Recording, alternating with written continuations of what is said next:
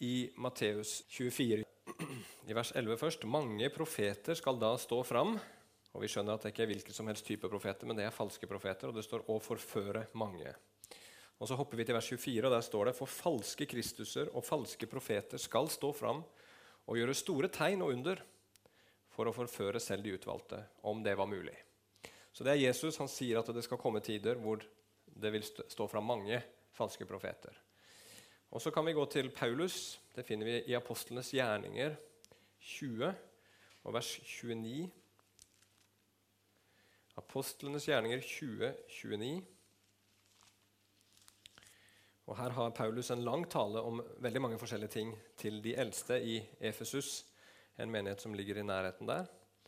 Og så sier han i vers 29 da For dette vet jeg, etter min bortgang skal glupske ulver komme inn blant dere, og de vil ikke spare flokken. Også blant dere selv skal det stå fram menn som fører falsk tale for å dra disiplene etter seg. Så det var Paulus. Vi kan gå til Peter også i 2. Peters brev, kapittel 2, vers 1. 2. Peters brev, kapittel 2 og vers 1. 2. Peter 2,1, og der skriver Peter.: Men det sto også fram falske profeter blant folket, slik det også skal komme falske lærere blant dere.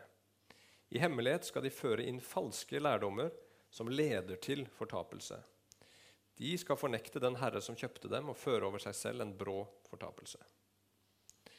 Og så til slutt hos Johannes i 1. Johannes, og det er bare neste bok, det, og kapittel 4 og vers 1. Og Der skriver Johannes, 1. Johannes, altså, kapittel 4, vers 1.: Tro ikke enhver ånd, men prøv åndene om de er av Gud. For mange falske profeter er gått ut i verden. Og Så forklarer han litt mer, men det skal vi se på seinere. Men poenget er bare å si det at Bibelen gjør det veldig klart at falsk lære og falske profeter er noe som Guds menighet til enhver tid har levd med og vil leve med. Det er ikke noe sånn som eh, plutselig dukker opp, og, og, men som oftest ikke er der. Det er noe som konstant er der. Og det fins falske kristne, ifølge Bibelen, og falske brødre. Og det fins falske evangelier, ikke minst. Så alt dette her er eh, kort og godt djevelen som holder på å eh, forfalsker. Og Det er jo det han er ekspert på. Han kan jo ikke skape noe selv men han kan forfalske og, og forvrenge det som er sant, og det som fører mennesker til frelse. Så Vi skal snakke litt mer om dette her med falsk lære og begynne med første overskrift. Det er 'Hva er falsk lære og falske profeter?' Så skal vi prøve å finne ut litt om hva det er. Hva er falsk lære, hva er falske profeter? Vel, Vi kan begynne å snakke litt om lære. Lære det er et ord som også dukker opp en del i Bibelen. Eh, og læren kan man si er den åpenbaringen som Gud har gitt av seg selv en gang for alle til de hellige, som forteller oss hvem han er, som forteller oss hva han har gjort, som forteller oss hva han krever av oss, som forteller oss hva virkeligheten er. Hva er det som er reelt? Hvem er vi? Hva er vi mennesker? Hva er det vi ser rundt oss? Det skapte, hva er hensikten med det?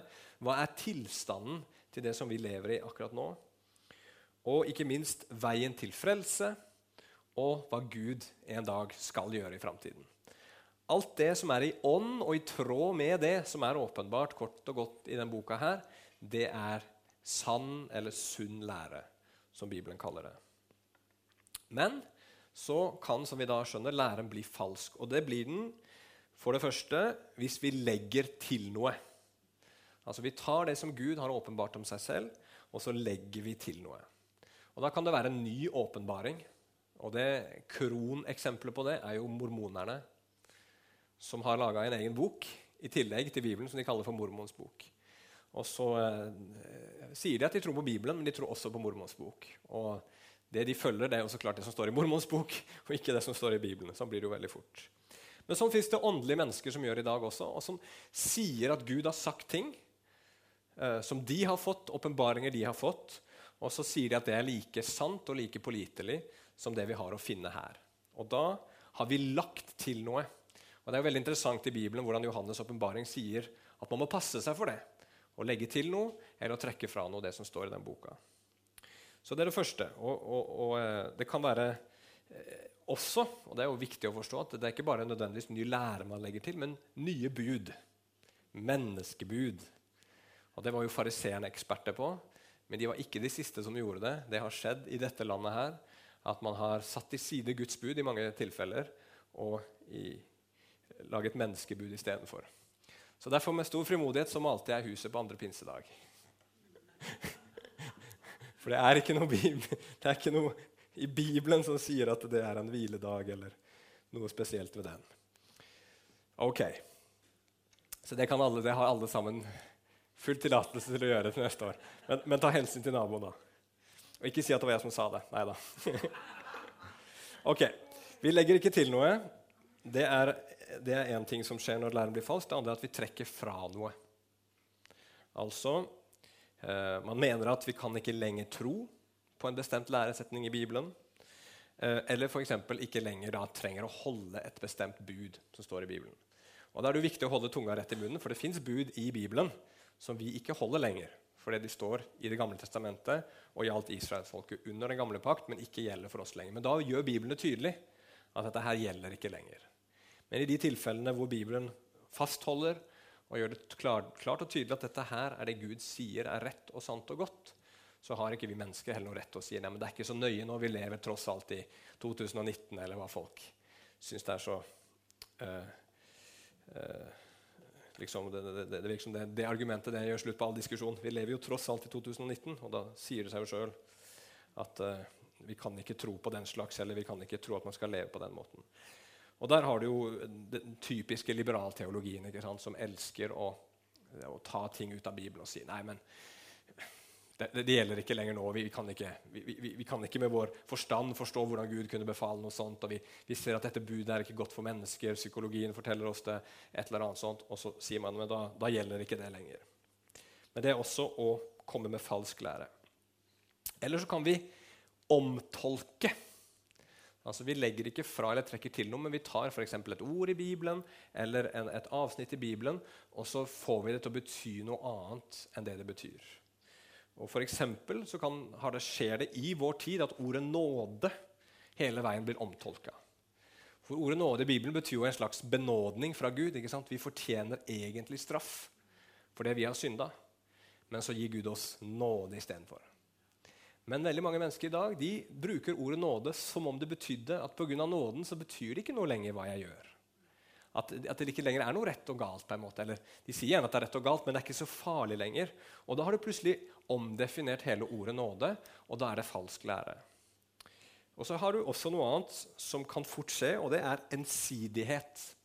Altså at man tar én sannhet i Bibelen, eller noen få sannheter i Bibelen, og så blåser man de ut av proporsjoner og får liksom alt til å handle om de sannhetene. Og så vil andre sannheter samtidig da forsvinne eller neglisjeres. F.eks. så kan man havne i en type eh, forkynnelse, lære, hvor, hvor, man liksom fokuserer bare på det ene at Gud vil velsigne deg. Og så glemmer man det Bibelen sier om at det faktisk er en side i, i livet som handler om lidelse, og det handler om helliggjørelse, f.eks. Da har man havna i en grøft og ensidighet. Og da, eh, selv om kanskje en del av det man sier, er rett, så blir det allikevel feil, fordi at man har ikke tatt med hele sannheten. Eh, man kan eh, en, en, en, sånn skikkelig eh, fæl en som herja litt i noen miljøer på 80-tallet, var det der med demoner. Hvor, altså, Bibelen snakker jo om demoner, ikke sant? og det fins demoner. Det tror vi på, for det sier Bibelen klart. Men på et tidspunkt så, så man demoner overalt. Og så var det sånn at Hvis du hadde et problem, så måtte det være demoner. Hvis du sleit med synd, så måtte det være demoner. Hvis du var deppa en dag, så måtte det være demoner. Da dreiv man ut demoner overalt. Og det, det, det, det, ga ikke noen gode frukter. Og det, blir falsk lære. Det er feil. For det er ikke det Bibelen viser, viser oss. Det fins helt klart, men med en gang man over, overfokuserer på det, så blir det feil. Eh, og Det fins veldig mange sånne eksempler som man kan finne fram. Og vi mennesker jo, har jo en tendens til å overdrive. Altså, noen elsker overdrivelser. Og noen elsker å liksom, De ser én ting, og så bare er de så ensporet at det, bare, det er alt de ser. Og så, og så, blir det rett og slett usunt av det. Eh, så her har vi liksom litt rann, som, som, forteller oss hva, hva er som skjer når det blir falsk lære. Og Felles for alle falske lærere er at de kommer fra falske lærere eller profeter. Dvs. Si altså mennesker som har forskjellige motiver for å fremme denne falske læren. Uh, og En som heter Tim Challis, som uh, er en sånn type du finner en del på Internett, han, uh, ha, han har liksom kategorisert i syv forskjellige typer falske profeter. Og Han sier du har heretikeren, altså vranglæreren, kan man si. Det er den som på en måte fornekter kjernesannheter i Bibelen eller tillater det Gud forbyr.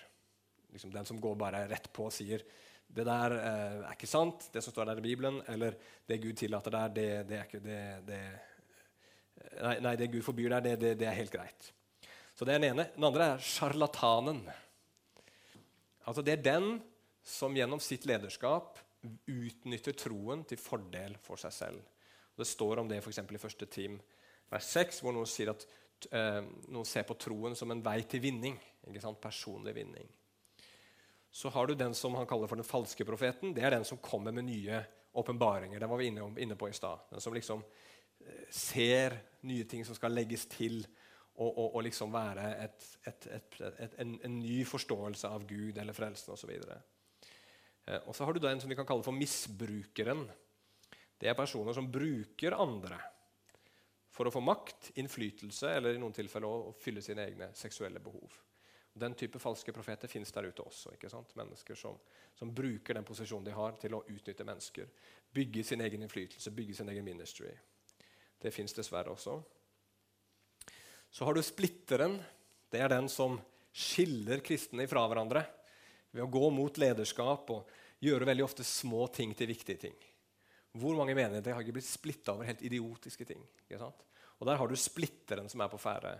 En som, eh, som, som, som, veldig lett setter kristne opp mot hverandre. Men det er også en falsk lærer. Så har du en interessant spekulatøren. Hvem er det? Jo, det er den som spekulerer hele veien og finner på masse nye spennende ting. Kanskje om bibelkoder eller endetiden. Og så er det masse spekulasjoner. Og så lager man en lære ut av det. Og så, så, roter man seg bort i det som Bibelen kaller for endeløse ettertavler og, og, og, og eventyr. ikke sant? Og så kommer man bort fra det som er det sentrale i troen. Og så har du en til som eh, vi kjenner godt til, og det, den, han, han, kaller han for kløren. Kløren. Den som hører hva folk vil ha, og gir dem det de vil høre. Og det de ikke vil ha, det gir han dem ikke. Eh, han snakker bare om det gode og ikke det ubehagelige. og Den, vi, den vet vi om i 2. Timoteus 4,2. De, de sier bare det som klør i øret. Og den også er en type falsk lærer. Og, og, og, dette her er jo ikke sånn at liksom, Når du kommer borti en eller annen type falsk lærer, så kan det gjerne være en som passer på flere av disse kategoriene. Ofte så har du Disse menneskene har ofte en, en, en skjult agenda bak. Ofte så vil de tjene på det, vinne på det sjøl. Eh, og, og, og, kan ofte ende opp med å gi det folk gjerne vil høre. da. Det, det, det er forskjellig. Men, men det, er en, det, er mennesker rett og slett som på en eller annen måte fremmer det her. Og Det er ikke alle heller tror jeg, som har sånne veldig veldig onde, mørke motiver. Noen ganger så er det mennesker som bare er forført selv, ikke forstår sannheten. Kanskje tror de gjør godt, men egentlig er med å forføre mennesker. Uh, og det er veldig ofte for at de tar, Istedenfor å ta Bibelen som utgangspunkt, så tar de heller mennesket og setter det i sentrum. Og da kommer man veldig fort på avveier. Det fins mange mange vranglærere, eh, vranglærere opp gjennom historien. og Det er et veldig spennende studium. F.eks. Jehovas vitner de tror jo at Jesus ikke var Gud. Og, eh, og at han var en slags skapt vesen som, som kom til jorda. Men Jehovas vitner er de ikke de første som har hatt den ideen. På 200-300-tallet var det en som het Arius, som var den første som kom med den ideen. Og Han klarte faktisk på et tidspunkt å få veldig veldig mange etterfølgere. og Man tror at kanskje flertallet av de kristne trodde på dette her på et eller annet tidspunkt. I hvert fall så var det veldig veldig populært. Men Arius han, eh, han endte opp med å, å liksom bli ansett som en vranglærer, og hans lære slo ikke gjennom før den kom tilbake igjen med Jehovas vitner på 1800-tallet. Eh, dette her med at man får nye åpenbaringer fra Gud. og, og, legger de til Bibelen og sier Bibelen er bra, men vi trenger ekstra åpenbaring fra Den hellige ånd. Det òg skjedde i de tidligere første århundrer av kristenheten blant noen som het montanistene. Og de ble liksom da motsagt, og, og, og en del som, eh, som, som, fikk orden på det. Og, det var bl.a. med på å hjelpe oss til å forstå at, eh, til å liksom få, få fastsatt hva som står her i Bibelen. En annen som også var veldig opptatt av å redigere Bibelen, var en som het Markion, han mente at Gamle testamentet ikke var det kristnes gud, og faktisk mange ting i Det nye testamentet også. Han lagde en ny, veldig tynn bibelutgave som bare inneholdt noen av um, Paulus sine brever, pluss litt av Lukas og uh, et eller annet sånt. Så, så, så, det å redigere Bibelen det er heller ikke nytt. Det å fornekte at Jesus var mer enn bare et menneske, det var det en gruppe som gjorde, som het ebionittene. Og så var det gnostikerne. De var opptatt av at bare det var det åndelige som kunne frelse. Uh, og uh, at det, det, det, liksom det, fysiske det var dårlig og galt og problematisk. Uh, og Det som alle sånne vranglærere har til felles, det er at det er mye sant i dem. Og de kamuflerer seg som kristendom. Og, men, men, er det ikke. Og det er derfor de kan føre mennesker vill. Satanisme er ikke en vranglære. For den gir seg ikke ut for å være kristendom. Men disse vranglærerne det er det de prøver. De prøver å være etterligninger, og så fører de mange vill. Og Det er det som er problemet. Og det er punkt nummer to. Hva er problemet? Jo, det fører mennesket vill. Når læren blir falsk, så kommer det en solid forvirring inn blant mennesker. Hva er sannheten? Hva skal vi tro? Hva skal vi gjøre? Hvordan skal vi leve? Og I verste fall forklarer Bibelen, og det så vi en del av de versene vi så til å begynne med, så leder det mennesker i fortapelse. Og det er alvoret. Og Jesus han er veldig streng med de som fører, som han sier, en av disse minste, forfører dem. Han sier det er bedre for det mennesket å ha en kvernstein rundt halsen enn å forføre et menneske bort fra Gud. Så, så dette her er noe som vi må være nøye med. Det, det, vi, vi, må være veldig opptatt av at det vi sier, det vi representerer, det vi står for, faktisk er sant og rett og godt, og det som Gud har åpenbart. For det kan få veldig store konsekvenser for mennesker. Hvordan fører det her mennesket vill? Vel, jeg har, jeg har, to ting som jeg tenker er liksom de mest alvorlige tingene som skjer. For det første så gir falsk lære et feilaktig bilde av Gud. Og da, Hvis mennesker får et feilaktig bilde av Gud, så kan de enten ende opp med å tro på en Gud som ikke fins. Altså, det fins ingen Gud, som noen påstår nå, som bare er kjærlighet og aksepterer all mulig livsstil og livsførsel.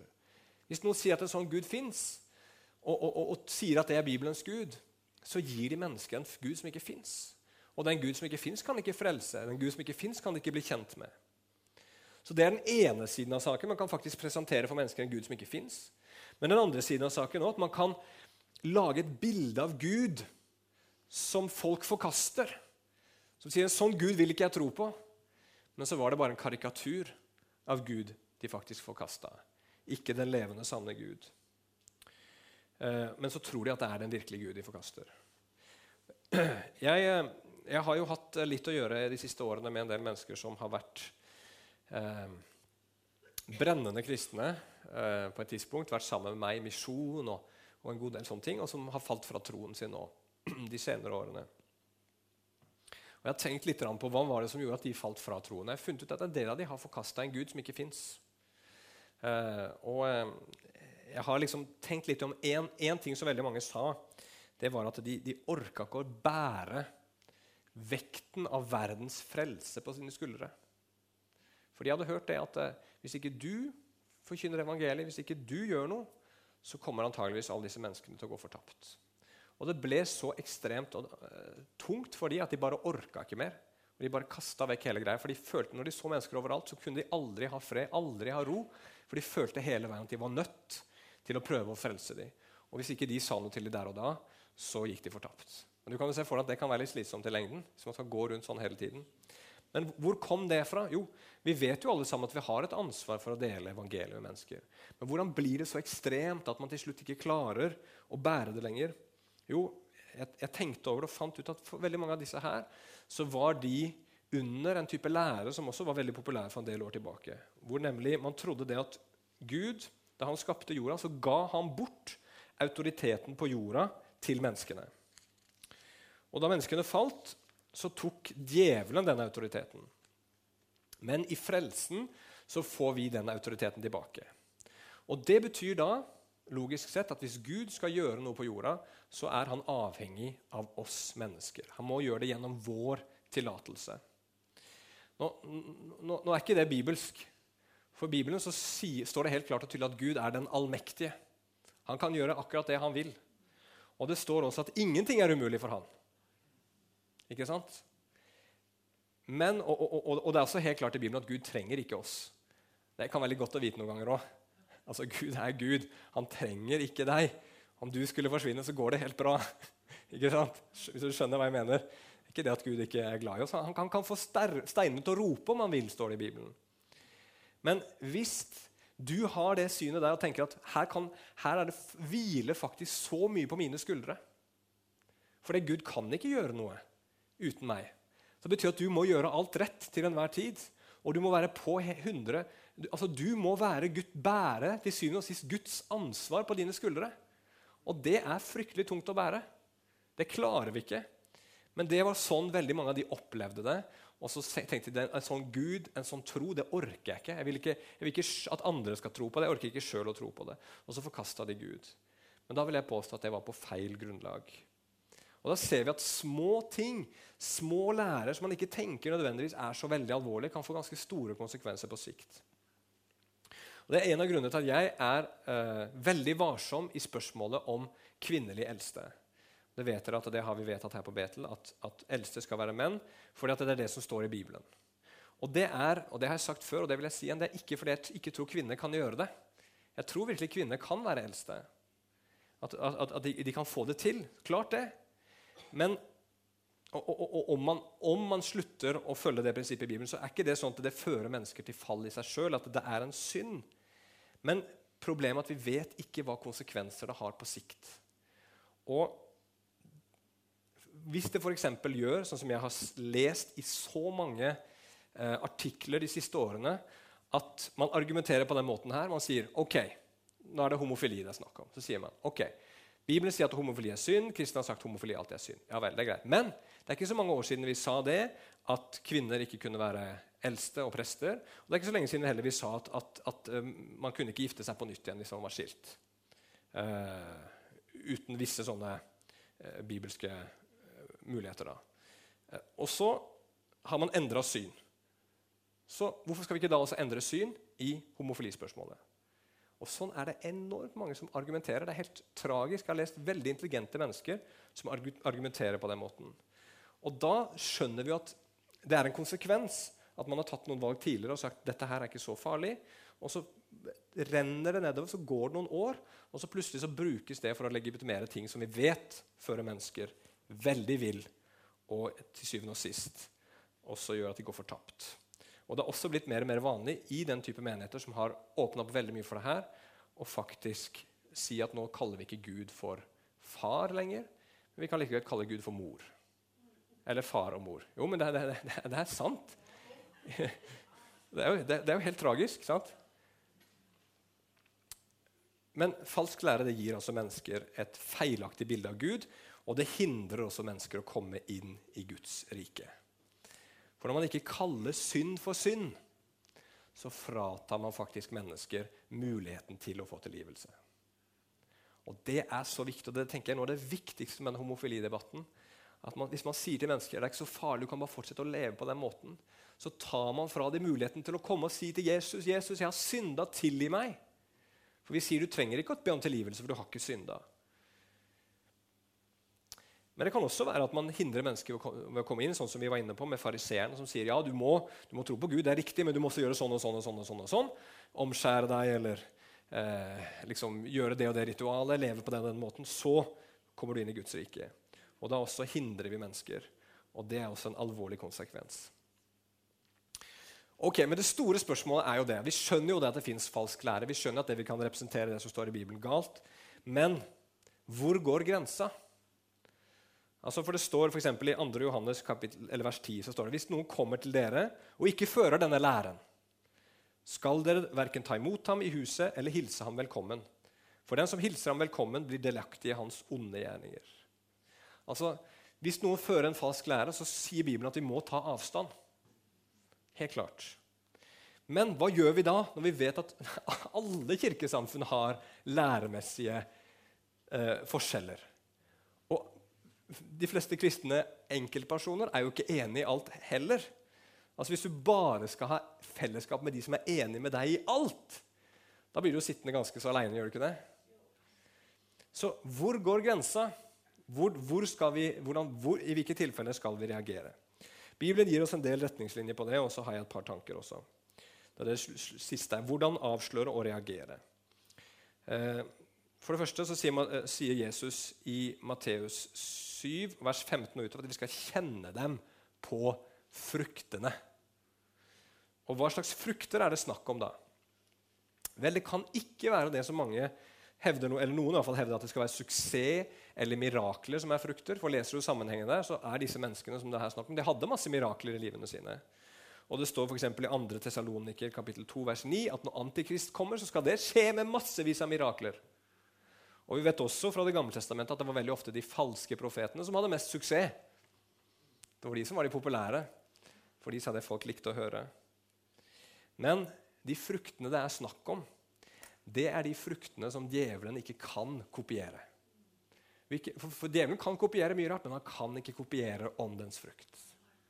Han kan ikke kopiere kjærlighet og gle, sann glede, sann fred, tålmodighet osv. Og så, derfor må du og jeg se på de menneskene som forkynner for oss. Er det noe av åndens frukt i livet til den som forkynner? Og så skal vi også se på de som er tilhengere og tilhørere. Skjer det noe med livene deres som er i tråd med åndens frukt? Det betyr ikke at de skal være fullkomne. Da hadde ikke jeg kunnet stå her. i hvert fall. Men det betyr at man må være våken for ting som pengekjærhet. Altså Blir en, predikant veldig opptatt av penger, så skal man være forsiktig med disse menneskene.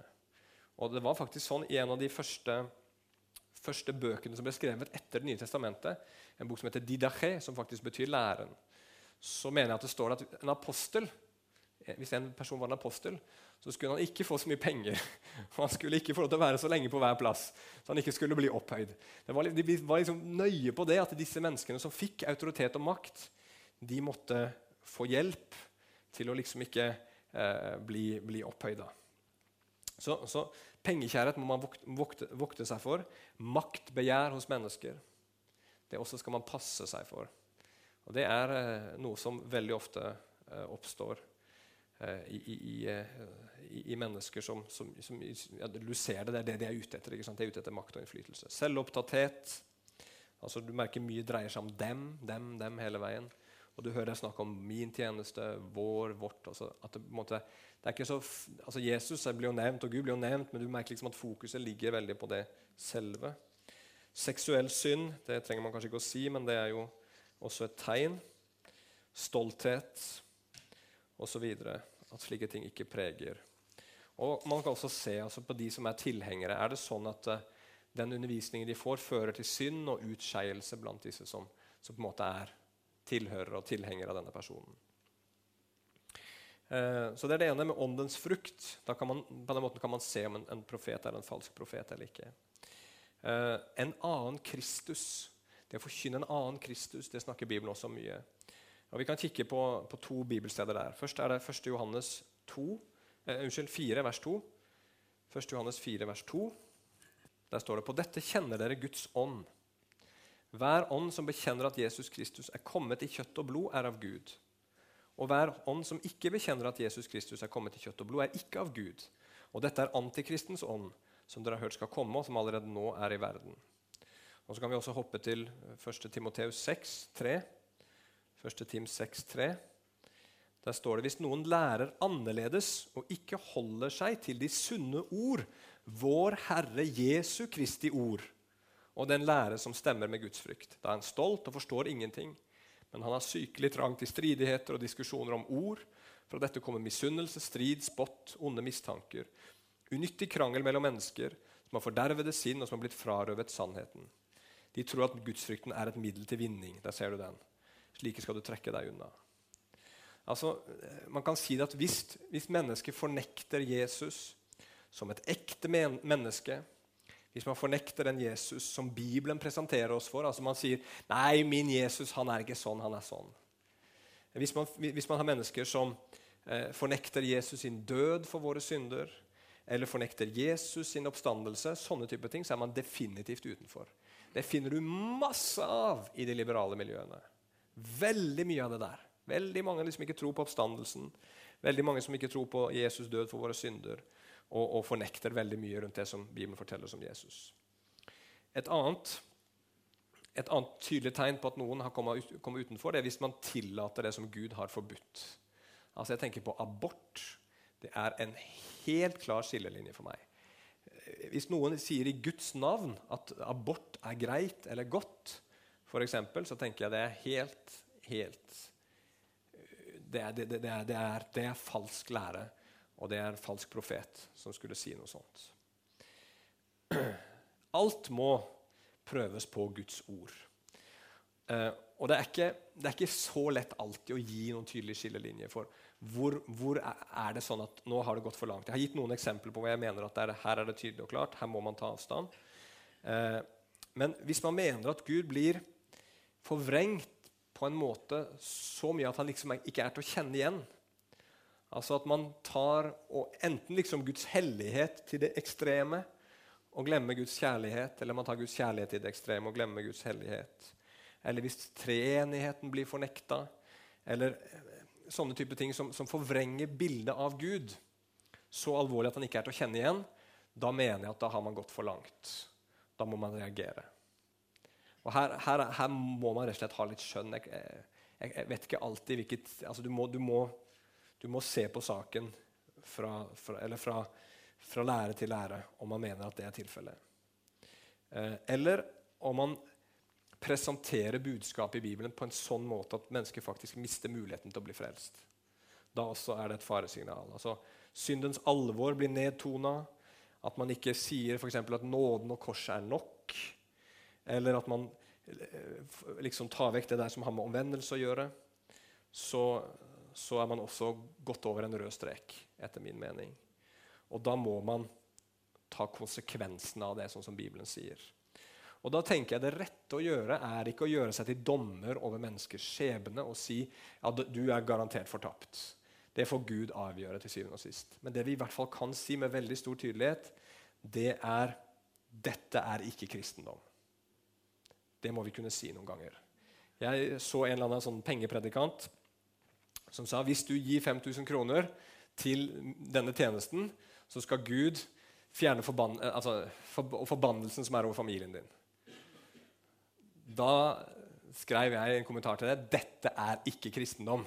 Gud er ikke en gud som tar bort forbannelse mot penger. Det er ikke vår Gud. Han velsigner av nåde.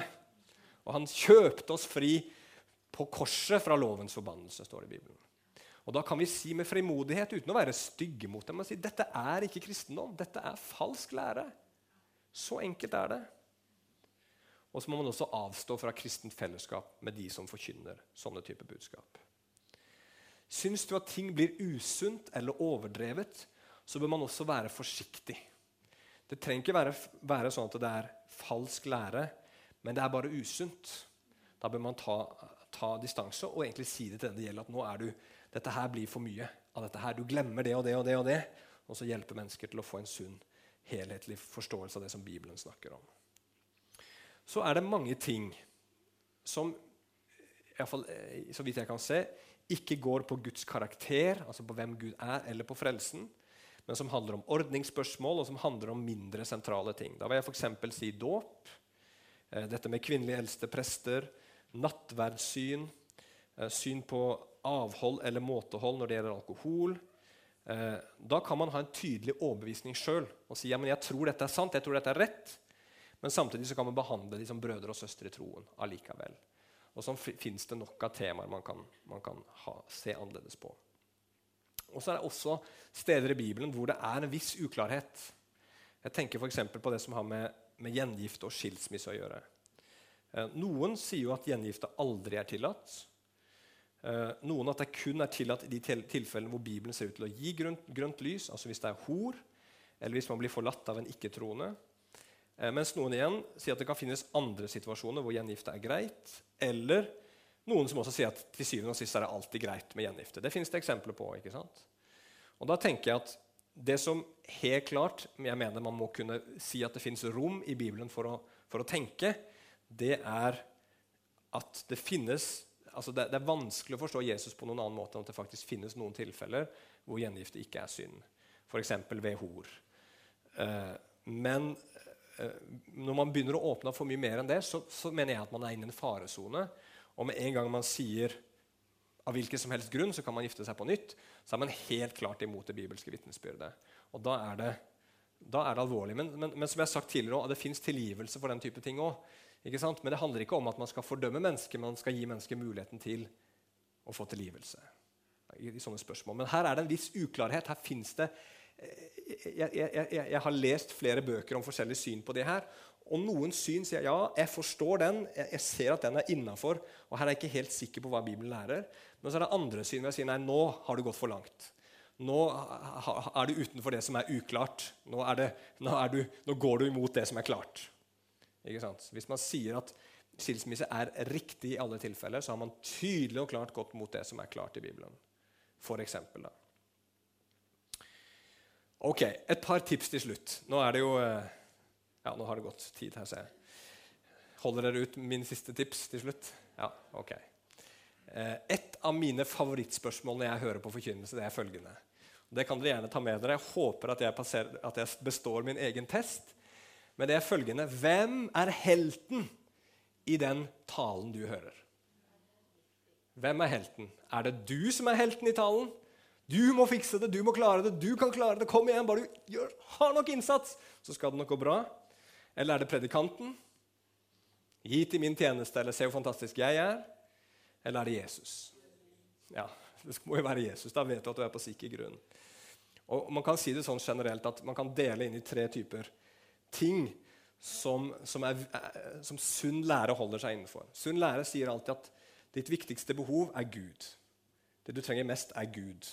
Du trenger å kjenne Gud. Ditt største problem er synd. Det fins ikke noe større problem i livet. Du har mange problemer, men det største problemet ditt er synd. Og Den eneste som kan hjelpe deg, den eneste som kan redde deg, er Jesus Kristus. Når er, de tre der er på plass, så vet du at da er det sunn og god lære. Hvis noe er helt nytt, noe aldri noen noen gang har hørt før, så skal man være veldig, veldig, veldig forsiktig. Dette er helt nytt. Jeg har fått en helt ny åpenbaring. som aldri kristne noen gang trodd på. Men det er fra Gud. Mm. Da ville jeg vært ekstremt skeptisk. Det betyr ikke at alt som er gammelt, nødvendigvis er sant. Det fins mange gamle uh, ting som, som, uh, som, jeg ikke tror på. hvert fall. Og så er det det aller siste jeg har lyst til å lese noen vers avslutningsvis her fra 1. Johannes 2. Nå var vi i Johannes brev nettopp Johannes brev 2, 26. Og Her snakker Johannes faktisk enda en gang om dette med falsk lære, og så sier han følgende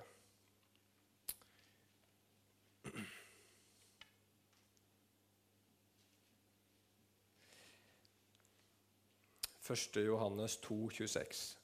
Dette har jeg skrevet til dere om dem som fører dere vill. Men den salvelsen som dere har fått fra ham, blir i dere.